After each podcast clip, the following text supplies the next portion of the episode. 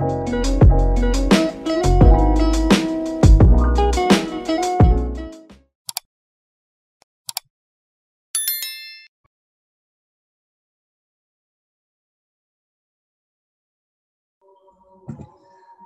datang di podcast Komika Baru spesial peserta workshop tipis-tipis respect. Ini adalah orang kelima atau keenam karena sebelumnya udah ada Alif, ada Erna, ada Dika, ada Ucok dan sekarang adalah Bang Ega. Nah, Doi ini adalah uh, teman gua juga di salah satu workshop tipis-tipis respect by pecahkan.com di mana saat ini gua akan ingin um, menanyakan perihal tentang bagaimana sih pengaruhnya dengan uh, urusan bisnis dia dengan komedi gitu. Karena kan yang gua tahu dari abang yang satu ini kan gimana ya bisa dibilang gua tuh tahu kalau itu main bisnis itu lumayan kenceng gitu. Makanya gue pengen tahu soal hal-hal apa saja kah yang berhubungan dengan bisnis dan komedi. Halo Bang Ega, selamat sore nih. Mantap sekali kayaknya di pakaiannya. Sore dong seperti apa yang sudah dipresent sama Okta. Uh-uh. Ya, saya harus terlihat lebih rapi ya supaya lebih lebih representatif gitu seperti pegawai kantoran. Waduh, memang kelihatan mana pegawai kantoran dan mana pengangguran di sini ya. Saja. Gimana bang kabar tadi kayak gue lihat lu lagi pilek tadi tuh? Iya lagi uh, agak pilek. Terus hmm. juga tadi kan sempat apa uh, bantuin usaha orang tua ya di Tanah Abang jadi ya ya begitulah sepinya sangat-sangat sepi. Ya dan cukup seperti, juga sih ya. seperti kuburan tapi kuburannya lebih rame kayaknya daripada pasar. Iya sih emang nah, sih. begitulah. Tidak cuma gue sehat kok cuma gue sehat kok. Mantap mantap mantap mantap. Ya, ya. oke. Ini btw uh, eh, apa namanya sebetulnya tuh kalau gue lihat bang Ega ya sebetulnya salah satu orang yang sering gue lihat di uh, instastorynya Comika dan juga dipecahkan juga. Karena percaya atau tidak gue mulai notice sama dia tuh udah lama banget gue udah tahu dia tuh udah lama sering gue lihat di story story IG-nya Comika gitu bahkan Doi adalah orang yang mendapatkan giveaway dari Comika. Gokil, gokil. Ya, meramaikan saja. Keren, keren, keren, keren. Tapi Bang, Soleha meramaikan. Mantap, mantap. Nah, BTW lu tahu stand up sejak kapan Bang? Kalau boleh tahu Bang, sebelum lu ikut workshop kalau, Respect ini. Kalau uh, cerita stand up ya, Okta ya, itu sebenarnya udah yeah. lama. Saya dulu kan uh, waktu lulus SMA mau masuk kuliah itu kan saya sempat liburan tuh ke Singapura Kebetulan kakak saya itu dapat beasiswa di Singapura, jadi saya datanglah ke sana ke Singapura. Nah, waktu di sana dia kan tinggal di asrama tuh di Singapura ya. Nah, waktu tinggal di asrama itu kakak saya bilang, "Eh, gak, lu mau lihat orang lucu nggak?" kata gitu. Terus tanya, "Orang lucu maksudnya gimana?" Iya, hmm. ada orang tuh sendirian tapi ngelawak gitu. Jago deh katanya. Lawaknya lucu banget ya. Lu nonton deh. Tapi ini bahasa Inggris sih, cuman ya coba lah lu dengerin lah gitu. Walaupun uh, mungkin Inggrisnya nggak terlalu kedengeran karena cepet kan gitu ngomongnya. Tapi nggak yeah. apa lu dengerin aja gitu gimana. Ya udah dong gue dengerin kan. Nah, yang kasih didengerin pertama kali itu Russell Peter. Makanya gue sampai hari ini kemarin tanya kan sama Comika Pecakan, komika favorit siapa ya Russell Peter karena gue pertama kali ya tahu stand up itu dari Russell Peter. Nah, mm-hmm. Russell Peter, jadi waktu itu gue kira-kira 2006 lah itu tak kira-kira 2006 gue tahu Russell Peter tuh. Cuma gue waktu itu belum tahu itu stand up komedi. Gue cuma tahunya orang sendirian di panggung lucu aja gitu udah. Cuma tahunya itu doang. Nah, mm-hmm. terus mulai pulang dari situ, terus gue mulai cari tahu tuh orang yang lucu-lucu kayak gitu tuh ada nggak di Indonesia? Ternyata ada, ada Taufik Sapalas, almarhum ya. Taufik Sapalas, mungkin uh, Okta tahu. Habis itu ada eh, yang suka ngelawak-ngelawak kayak Sule siapa itu kan karena suka sendiri kan monolog-monolog gitu kan.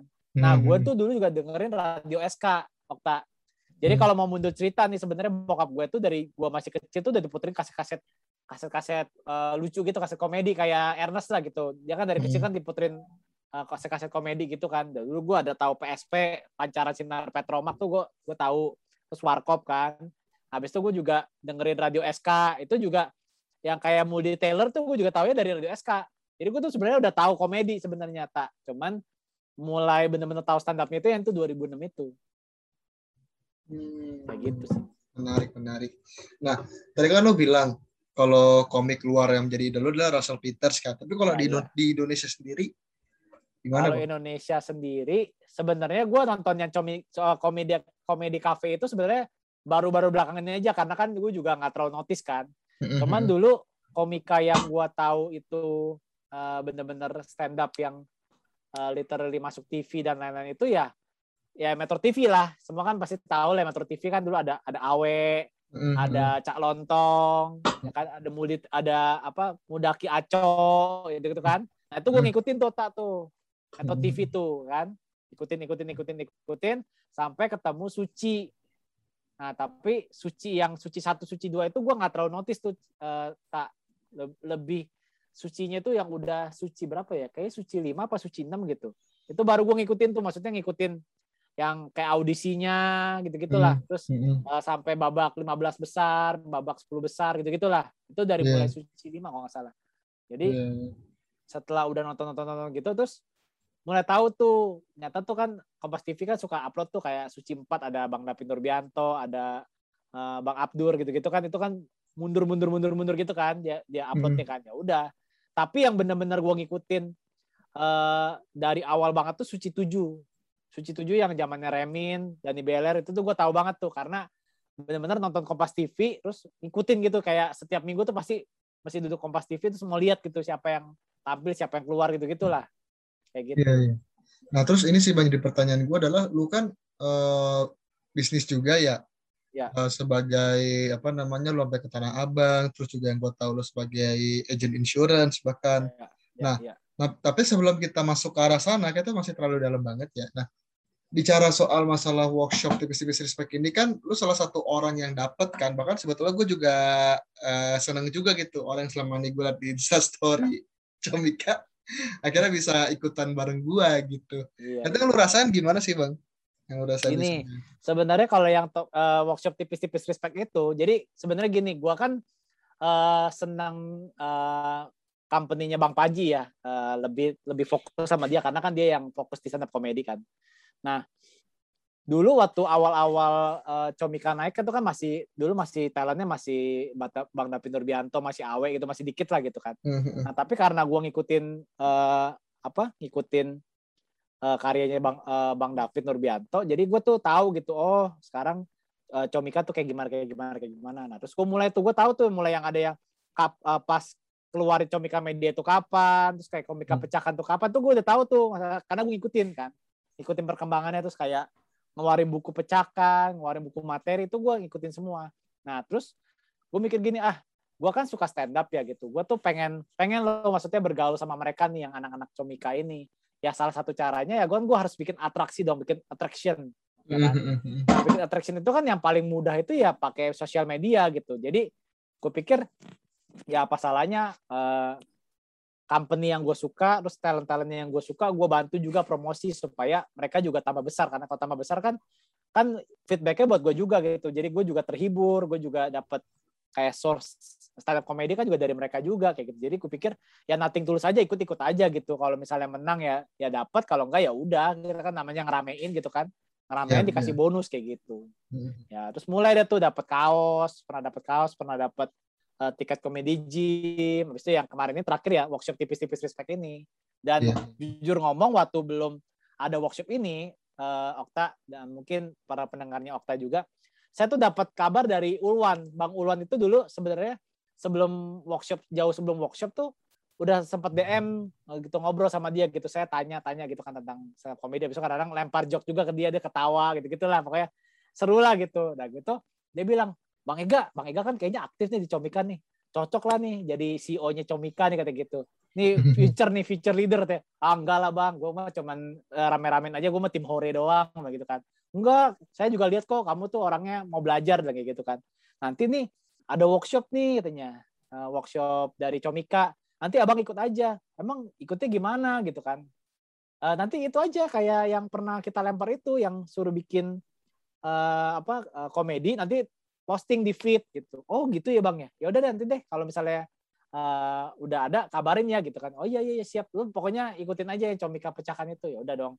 Nah singkat cerita akhirnya keluar tuh pengumumannya tak. Nah pengumumannya Hmm. keluar terus sebelum gue uh, apa sebelum gue uh, ikut workshop itu sebenarnya udah kenal sama Bang Ucok juga. Bang Ucok yang salah satu peserta juga di workshop tipis-tipis respect.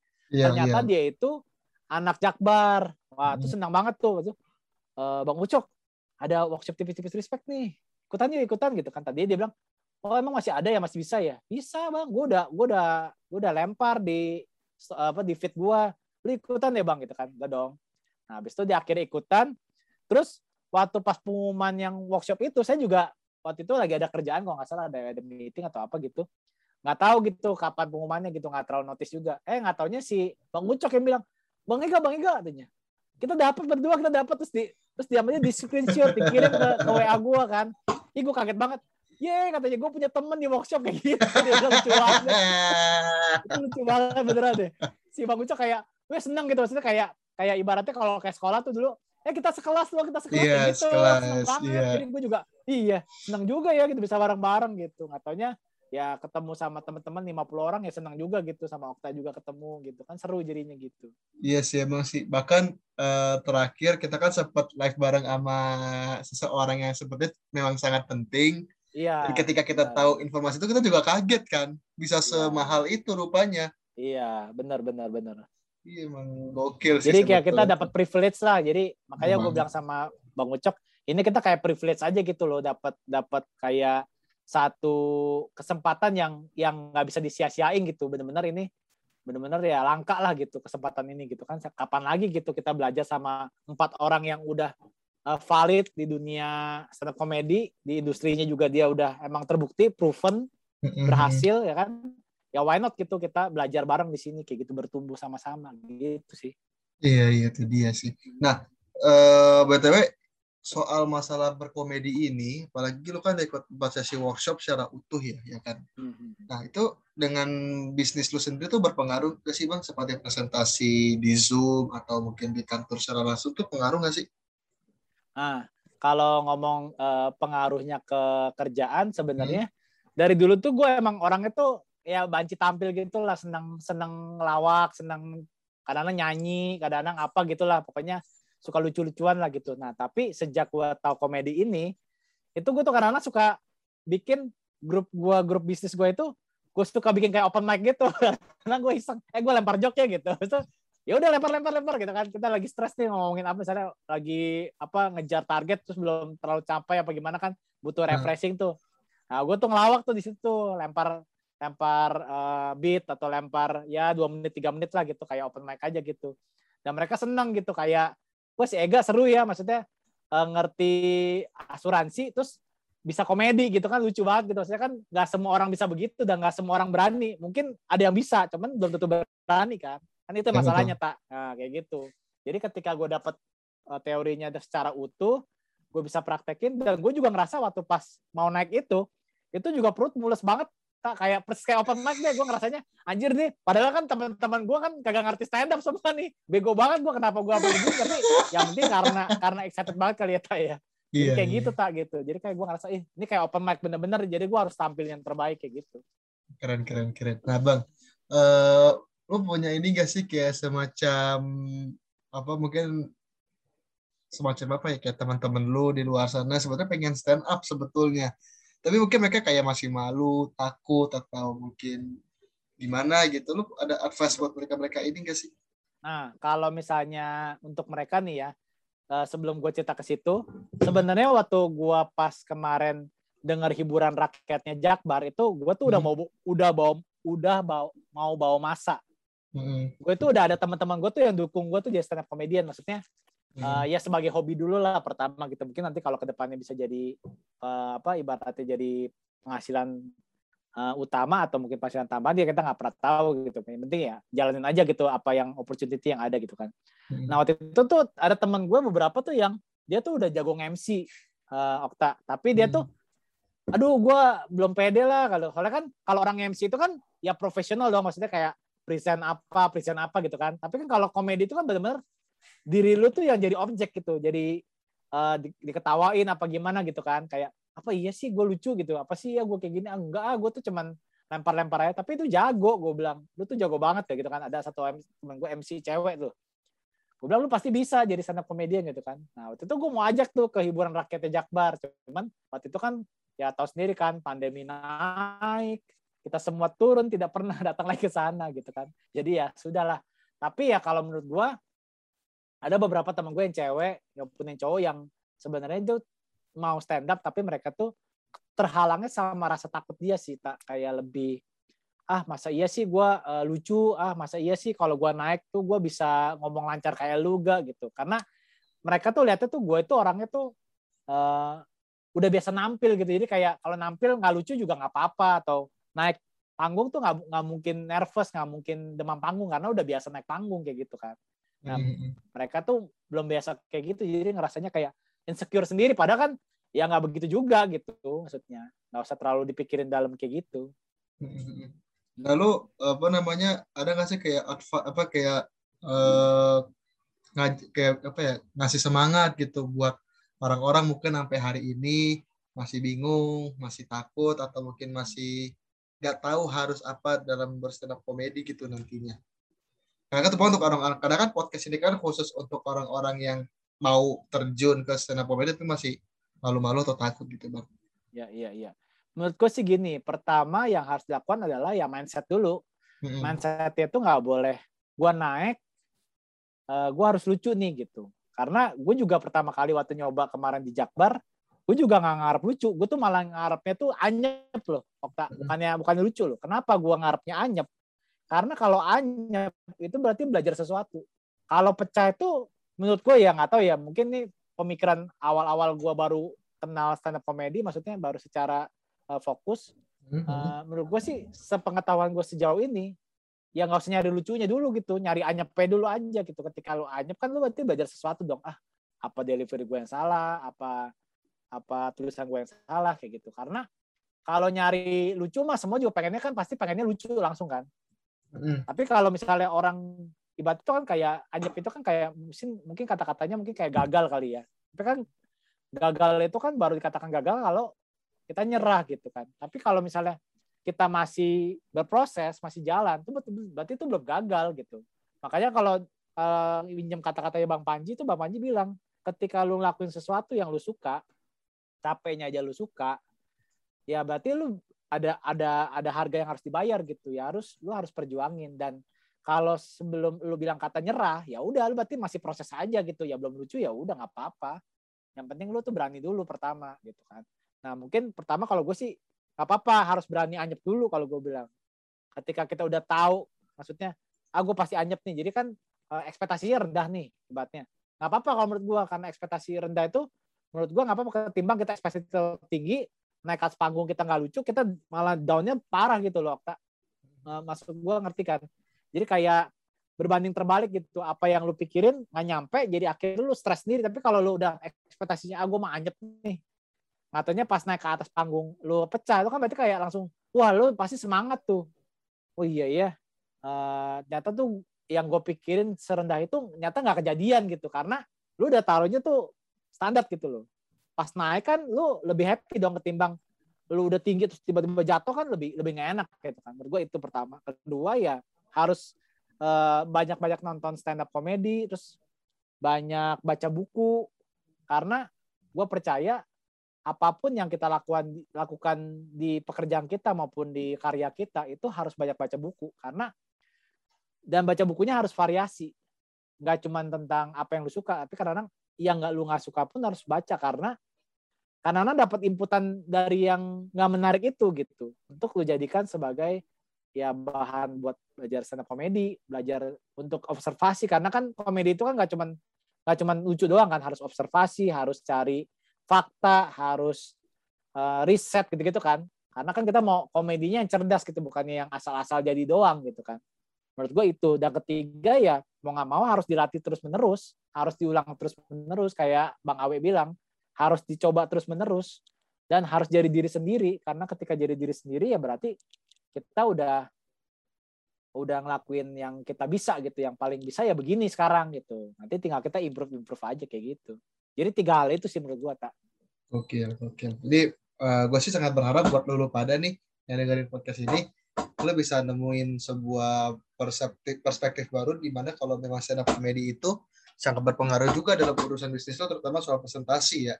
Nah, uh, btw, thank you banget buat Bang Ega untuk waktunya dan gue sih berharap dari uh, setelah selesainya workshop pecahkan ini kita masih bisa ngobrol bareng lagi, masih bisa uh, nimbrung di open mic, bahkan bisa nge-zoom bareng lagi. Dan karena sebetulnya uh, tentu saja pecahkan.com ini tidak sendiri bekerja sama juga dengan komunitas stand up Indo di mana saling berkolaborasi untuk bisa membangun namanya workshop tipis-tipis respect angkatan pertama ini.